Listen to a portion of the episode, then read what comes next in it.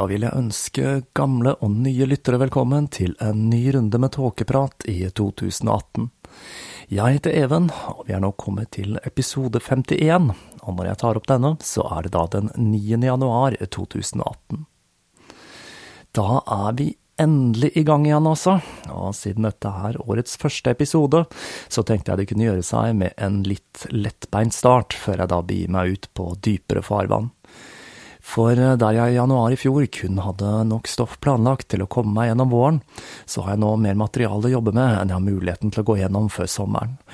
Og jeg har flere relativt omfattende tema jeg har lyst til å dekke. Så langt ser det ut til at eh, Tåkeprat i 2018 vil kunne by på historiske drama og personligheter, i tillegg til en del obskure og mindre kjente tema innen en rekke felt. Her blir det drap, tortur og intriger, i tillegg til flere kompliserte og annerledestenkende mennesker, og jeg vet nesten ikke i hvilken ende jeg skal starte. Egentlig så hadde jeg tenkt til å vente enda en uke med å starte opp tåkeprat igjen, men abstinensene de ble altså for sterke, så dette er en slags liten tjuvstart på 2018. Julen er en tid der jeg som regel får tid til å binge filmer og serier jeg vanligvis ikke har tid til å se. Jeg kaster meg da gjerne over et eh, heftig utvalg av film, da aller helst B-skrekk, dokumentar og science fiction, for å se om jeg kan finne noen ukjente perler. I år, eller det blir vel da i fjor, så så jeg blant annet den skrekkelige Approaching the Unknown, som var direkte smertefull å se for et science fiction-fan som er opptatt av at ting bør henge litt på greip i en film som utgir seg for å være hard science fiction, som da i motsetning til romopera eller fantasi-science fiction som Star Wars skal basere seg på plausibel teknologi og vitenskap. Hvem som syntes det virket som en god idé å sende to separate romskip med én person i hvert skip til Mars, er for meg et mysterium. En av de store utfordringene med en Marsferd og kolonisering av den røde planeten er jo nettopp isolasjon, for ikke å snakke om kostnader forbundet med oppskytingen. Der har vi altså to feil helt fra starten av, og hele filmen den fremsto som en smertefull logisk brist fra begynnelse til slutt. Jeg er villig til å strekke meg langt for film om romfart, men det finnes grenser. Men siden det er juletradisjon, så led jeg meg gjennom hele dette makkverket av en film mens jeg forsøkte, uten hell, å la være å irritere meg og hytte med nevene. Hvor er du, Arthur C. Clarke, nå som vi trenger deg? Heldigvis så dukker det som regel opp en perle blant all den filmatiske julelidelsen, og i år så skulle dette vise seg å være en TV-serie, og en særdeles blodig en i så måte. De av dere som er skrekkfilmfans, kjenner nok godt til Evil Dead-filmene. Av disse tre filmene så er nok toeren fra 1987 min personlige favoritt.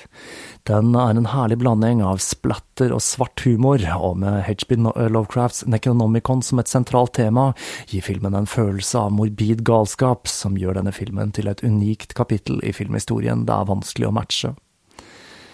Så det var med en viss skepsis jeg begynte å se TV-serien basert på filmene, som da nylig fant veien til Netflix her i Norge. Ash vs. Evil Dead fra 2015. Det er jo ikke så altfor ofte spin-off-serier treffer, men da skaperen av de originale filmene, Sam Raimi, har en finger med i spillet, så tok jeg sjansen.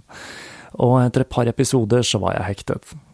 I romjula så presterte jeg da å se meg gjennom begge sesongene på to dager, noe som for meg føltes som en bragd. Selv om jeg da ikke slår den amerikanske presidenten, som vi nylig kunne lese at eh, gjerne ser inntil åtte timer TV hver dag. Men det er klart, han er bare presidenten i verdens mektigste atommakt, og ikke en podcaster med masse bøker å lese, sånn som meg selv. Det er vel en viss fare for at jeg må forsøke meg på å lese Fire and Fury, som nylig ble gitt ut, selv om det at den amerikanske presidenten oppfører seg som et barn på 71 år, neppe bør komme som en overraskelse på de fleste. I eh, Ash vs. Evil Dead blir vi introdusert for den middelaldrende Ash, som ble spilt av Bruce Campbell, som hadde hovedrollen i de originale filmene.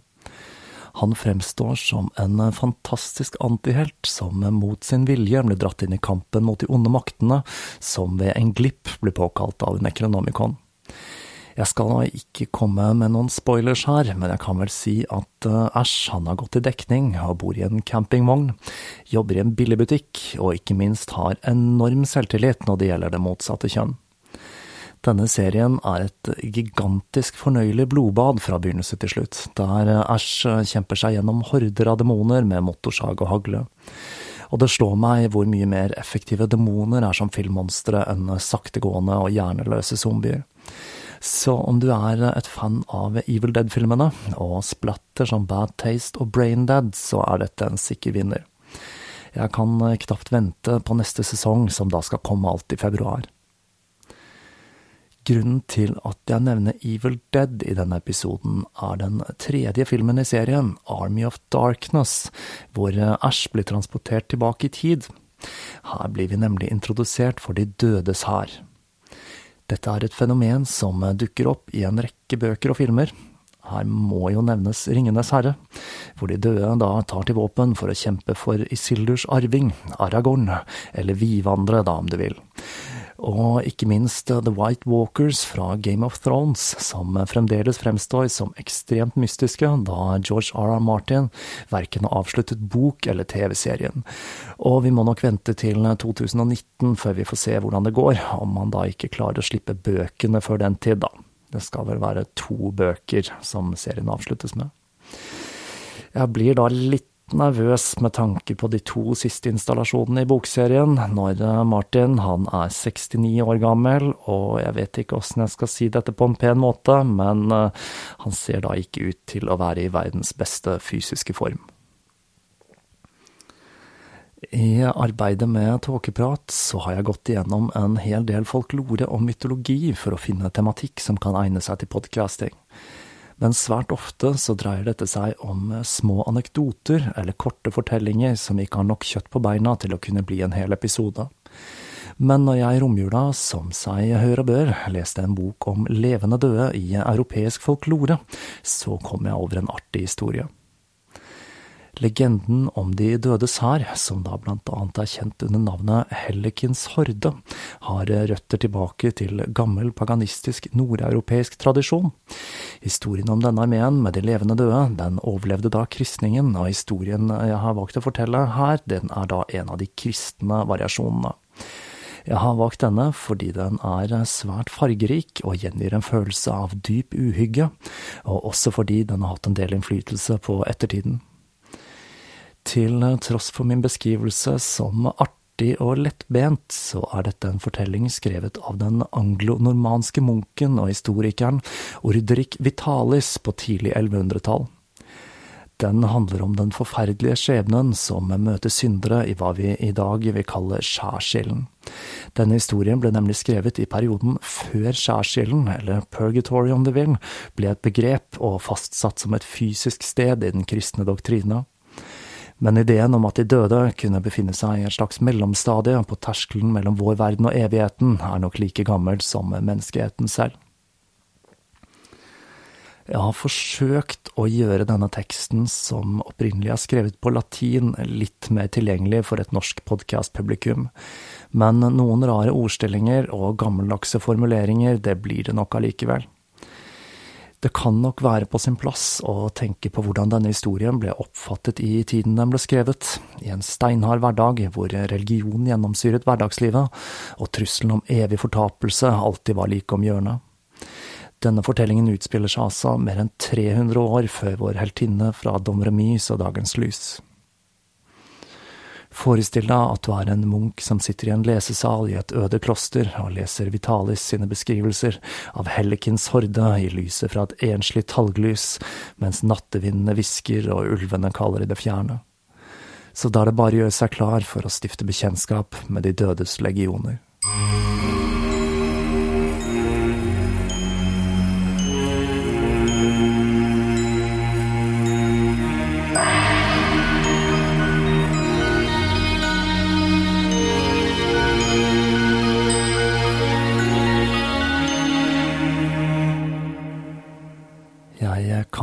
Overse eller tie om en hendelse som skjedde med en prest ved navn Valkelin, som tjente ved Saint Aubins kirke den 1. januar. Han var en tidligere munk som hadde blitt biskop og skrifter i Angers. Den 1. januar i Vår Herres år 1091 ble denne mannen tilkalt, slik hans plikter tilsa, for å besøke en syk person natterstid i bispedømmets ytterste grenser. Når han var på vei hjem, alene og langt fra all bebyggelse, kunne han høre lyden av noe som hørtes ut som en stor hær, og han trodde dette måtte være hæren til Robert av Beleme, som marsjerte for å beleire Corky. Månen som var i sin åttende fase, i værens tegn, skinte klart og viste veien for reisende. Presten var ung, modig og sterk, kraftig bygget og smidig. Når han hørte lyden av larmende menn som nærmet seg, ble han redd og vurderte mulighetene sine. Skulle han flykte slik at han ikke ble overfalt og ranet på en skamfull måte av simple soldater, eller skulle han forsvare seg gjenstridig om noen konfronterte han? Han så seg ut fire trær på et jorde like ved veien, og bestemte seg for å løpe dit for å gjemme seg til følget hadde ridd forbi. Men en kjempe med en diger klubbe stilte seg plutselig i veien for han. Han hevet våpenet og befalte, stå stille og gå ikke lenger. Presten gjorde umiddelbart som han ble bedt om, og sto helt stille mens han lente seg på staven sin. Den strenge krigeren stilte seg ved siden av han, og voldte han ingen skade mens de så på hæren som marsjerte forbi. De så en stor horde med mennesker som gikk forbi til fots. På ryggen og nakken bar de dyr, klær og alskens møbler og gjenstander på samme måte som plyndrere gjør. De klaget ustoppelig og tryglet hverandre om å få opp farten. Presten gjenkjente flere av sine nylig avdøde naboer blant dem, og han hørte de klage over de forferdelige plagene de ble torturert med som en følge av deres synder. Så fulgte en horde med kistebærere, og kjempen sluttet seg til følge. Nesten 500 kister var med i følget, og hver ble båret av to bærere. Det satt menn, så små som dverger oppå kistene, med hoder så store som tønner.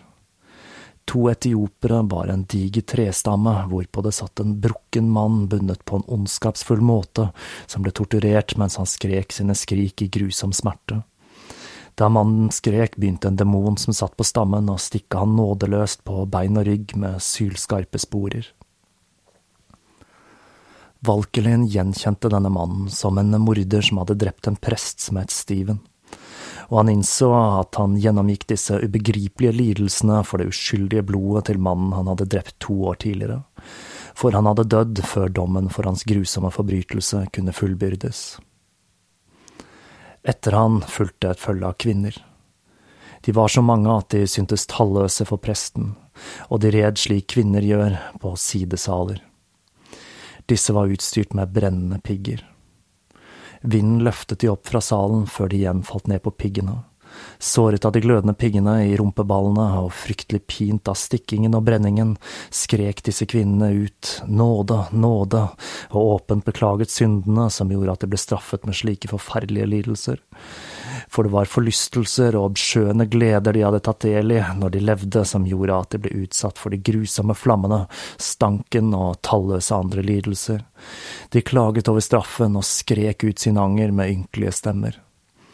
I denne troppen gjenkjente presten en viss adelskvinne, og han så hester og muldyr med tomme bærestoler som tilhørte kvinner som enda ikke var døde. Vettskremt av synet begynte Valkelin å undres over betydningen av det hele.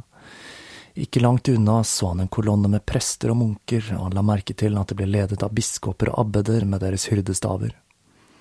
Prestene og biskopene bar sine svarte luer. Munkene og abbedene var på samme måte kledd i sine svarte kutter.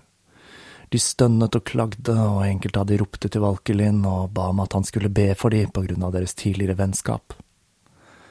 Presten ble oppmerksom på at det var mange av kirkens menn med et godt rykte med i følget, men de alle trodde var med helgenene i himmelen.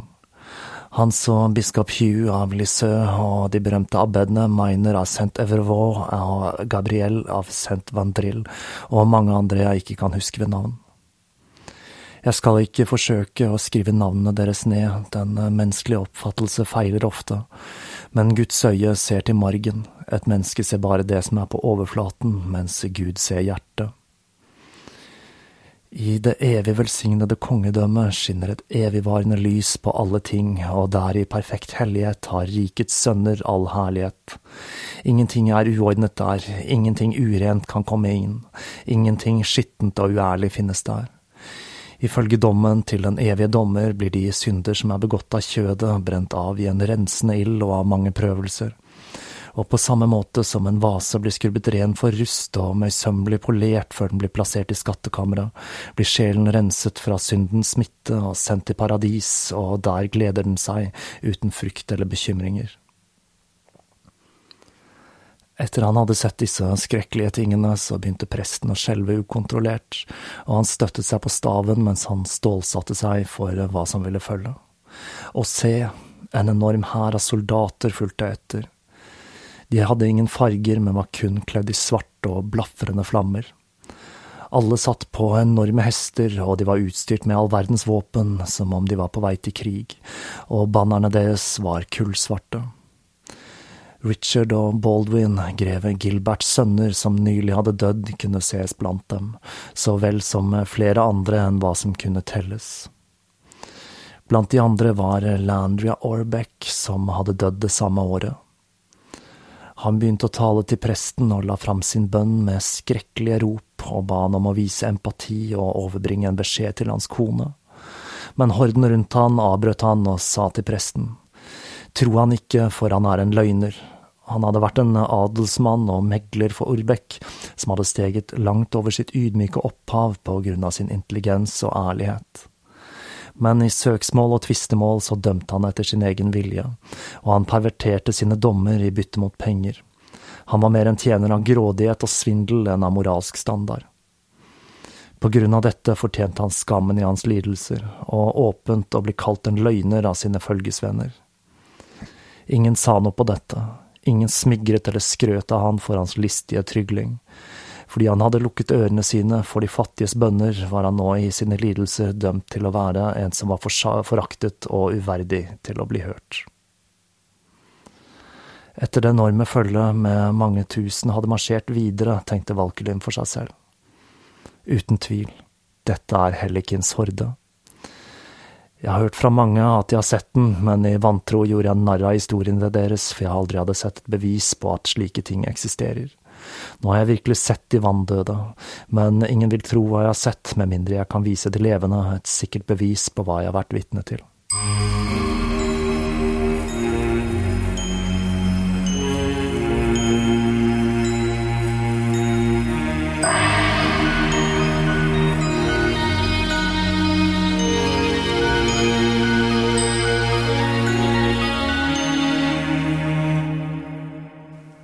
Så derfor vil jeg forsøke å fange en av de rytterløse hestene som følger horden. Jeg vil bestige den hurtig og ri den hjem for å vise den til naboene mine, slik at de vil tro meg.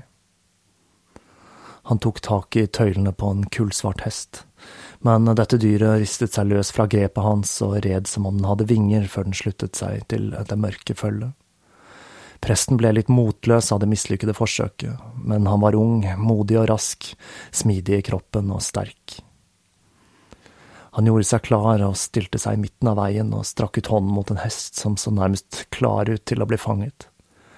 Hesten stoppet og lot presten bestige den mens den prustet ut en sky av neseborene som tok formen til det høyeste eiketreet. Presten puttet den venstre foten sin i stigbøylen, tok tak i tøylene og plasserte hånden på salen. Plutselig følte han en intens hete som en brennende ild under foten og en ubeskrivelig kulde gjennomboret hjertet hans og strømmet gjennom hånden som holdt tømmene. Mens dette pågikk, kom fire fryktinngytende ryttere som talte til han med buldrende stemmer. Hvorfor stjeler du hestene våre, du må bli med oss. Ingen av oss har skadet deg, og likevel forsøker du å ta hva som er vårt. Presten ble skremt og steg ned fra hesten, og mens tre av rytterne var i ferd med å gripe han, sa den fjerde. La han være, og la meg snakke med han, for jeg vil sende et budskap til min kone og mine sønner gjennom han. Så henvendte han seg til den skrekkslagne presten. Hør på meg, jeg bønnfaller deg, fortell min kone hva jeg ber om. Presten svarte, Jeg vet ikke hvem du er, og jeg vet ikke hvordan jeg skal gjenkjenne din kone. Soldaten sa, Jeg er William av sønn av Barnen, som en gang var den velkjente forvalter av Vilja av Bretui og hans far grev William av Hereford. Blant de dødelige gjorde jeg flere feilgrep og plyndret, og jeg er skyldig i flere forbrytelser enn noen annen jeg kjenner til. Jeg lånte penger til en trengende mann, og jeg fikk møllen han eide som sikkerhet. Når han ikke var i stand til å betale, så beholdt jeg møllen resten av livet, og jeg overså hans arvingers arverett og overlot den til min egen familie. Se, jeg har et brennende jern fra et møllestag i munnen, som virker tyngre å bære enn borgen ved Rouen. Fortell derfor min kone Beatrice og min sønn Roger at de må hjelpe meg med å få sørge for at de rettmessige arvingene får tilbakebetalt det jeg tok, og mer. Presten svarte. William Aglos døde for lenge siden, og en beskjed som dette vil ikke bli akseptert av troende. Jeg aner ikke hvem du er, eller hvem dine arvinger kan være, og hvis du mener at jeg skal fortelle historien din til Roger Aglos eller hans brødre eller mødre, så vil de gjøre narr av meg og kalle meg en galning. William fortsatte å insistere, tagg resolutt, og han ga en rekke tegn for å bevise hvem han var, men presten lot som han ikke forsto noe av det hele, selv om han forsto alt som ble fortalt. Til slutt, overveldet av Williams insisterende bønner, sa Valkelin seg enig og lovet at han skulle gjøre hva han ble bedt om. William gjentok detaljene i fortellingen sin en gang til og kom med en lang historie hvor han fortalte presten mange ting. For seg selv tenkte presten at han ikke ville våge å videreformidle befalingene til de fordømte vanndøde til noen. Det er ikke riktig, sa han, å erklære slike ting. Det kommer ikke på tale at jeg vil dele det du har fortalt meg til med noen.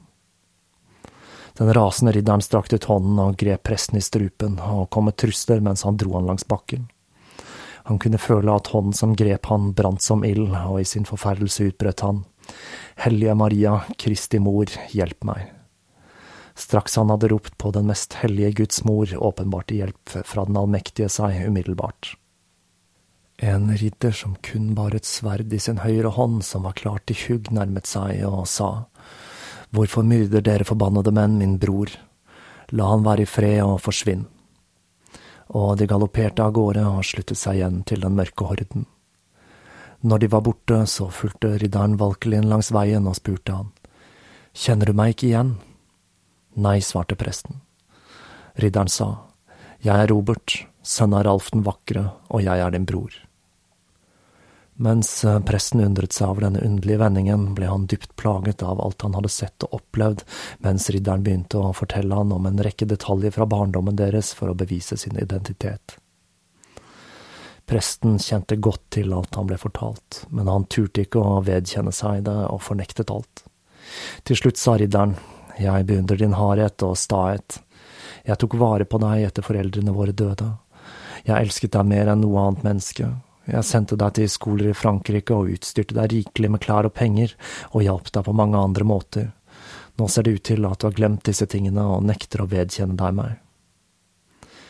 Når eh, disse sannferdige historiene var blitt lagt fram, ble presten overbevist av ridderens overtalelser, og han anerkjente sin brors historie med tårer. Så sa ridderen til ham.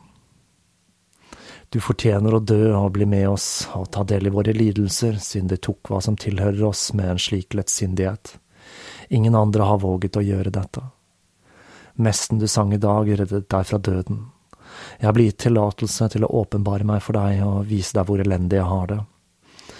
Etter sist vi taltes i Normandie, reiste jeg til England etter først å ha blitt velsignet av deg. Der endte jeg mitt liv som befalt av vår skaper. Jeg har gjennomgått enorme lidelser som en følge av de synder som tynget meg. Våpnene vi bærer, brenner som ild, og de besudler oss med en fryktelig stank. De er en enorm byrde med sin massive vekt, og de brenner med en ild som aldri slukker. Frem til nå har jeg gjennomgått unevnelige lidelser påført av straffer av denne typen. Men når du ble vigslet i England og du sang din første messe for de døende troende, ble din far Ralf befridd fra lidelsen, og skjoldet jeg bar som forårsaket så mye smerte, falt av. Som du ser, så bærer jeg fremdeles sverdet, men i år venter jeg i tro på å bli befridd fra denne byrden. Mens ridderen fortalte om dette og lignende ting, og presten lyttet ettertenksomt, så han at ridderens hæler var omsluttet av en masse blod formet som et menneskehode. Undrende spurte presten. Hvorfor har du en så stor klump med blod på føttene? Og ridderen svarte. Det er ikke blod, men ild, og den veier mer enn om jeg skulle båret hele Mont Sankt Miguel, fordi jeg hadde for vane å bære sporer som var blanke og skarpe, så jeg kunne ri raskt inn i striden, og stagge min blodtørst, så bærer jeg denne enorme byrden på hælene, så jeg blir holdt nede av vekten, og ikke lenger kan volde andre smerte. De levende burde hele tiden tenke på disse tingene og skjelve. Ta dere i akt, hvis ikke så må dere lide forferdelige straffer for deres synder. Jeg kan ikke snakke med deg lenger nå, bror, for jeg må igjen slutte meg til det elendige følget. Jeg ber deg huske meg og bistå meg i dine bønner og med almisser, og jeg håper å bli frelst et år fra palmesøndag og bli befridd fra alle disse plagene av vår Skapers nåde. Tenk på din egen skjebne, lev livet vist, for det er allerede besudlet med mye synd, og vit at ikke skal vare lenge. For nå, hold tyst og fortell ingen om de tingene du uforvarende har sett og hørt. Ikke fortell om de nå, og forsøk å ikke fortelle noen om de i tre dager. Når han hadde sagt disse ordene, forlot ridderen han i hast, og presten ble alvorlig syk i en uke. Når han til slutt kom til hektene, dro han til Lisøe, hvor han fortalte hele historien til biskop Gilbert, og han fikk de medisinene han trengte for å bli frisk. Han levde i god helse 15 år etter dette. Jeg hørte om alle de tingene jeg har skrevet om fra han personlig, og mange andre ting som er forsvunnet i glemselen og jeg så ansiktet hans og skadene påført av berøringen til den fryktelige ridderen. Jeg har skrevet ned denne historien som oppbyggelse for mine lesere, slik at rettskaffene kan styrkes i deres godhet og de syndige kan avvennes fra ondskap. Nå vil jeg gjenoppta mitt arbeide.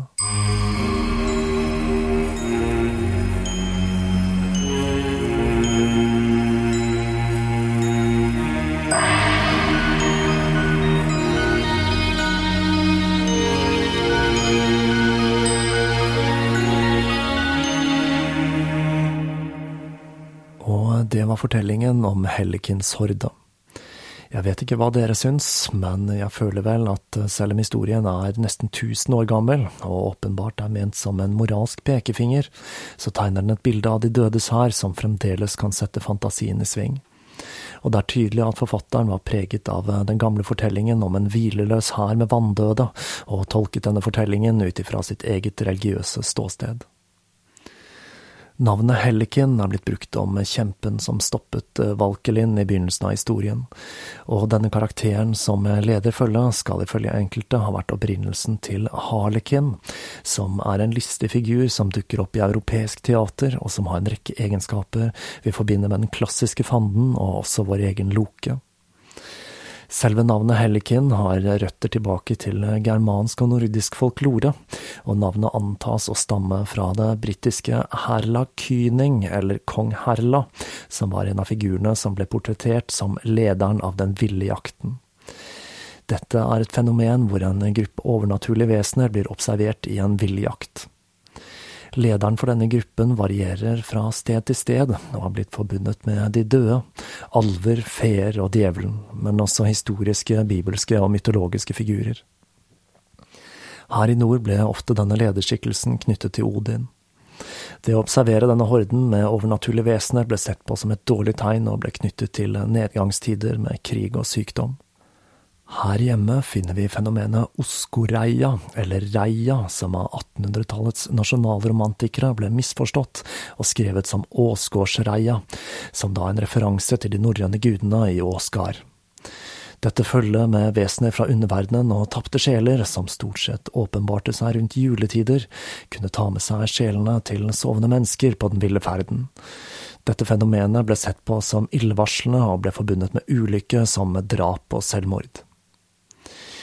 I tillegg til Oskoreia så finner vi enda et av disse ville følgene i norsk folketro. Nemlig Lussireia, som kunne komme natten før Lucia-dagen, og som ble ledet av den kvinnelige vetten Lucy. Enkelte sagn knytter Lucy til Adams første kone Lilith, som mor til alle nattens barn, altså.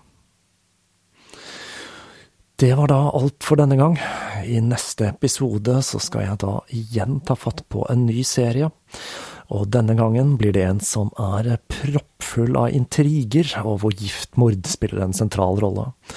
Og jeg kan vel røpe såpass at vi ikke skal reise så fryktelig langt geografisk fra hendelsene i fortellingen om Hellikens horde.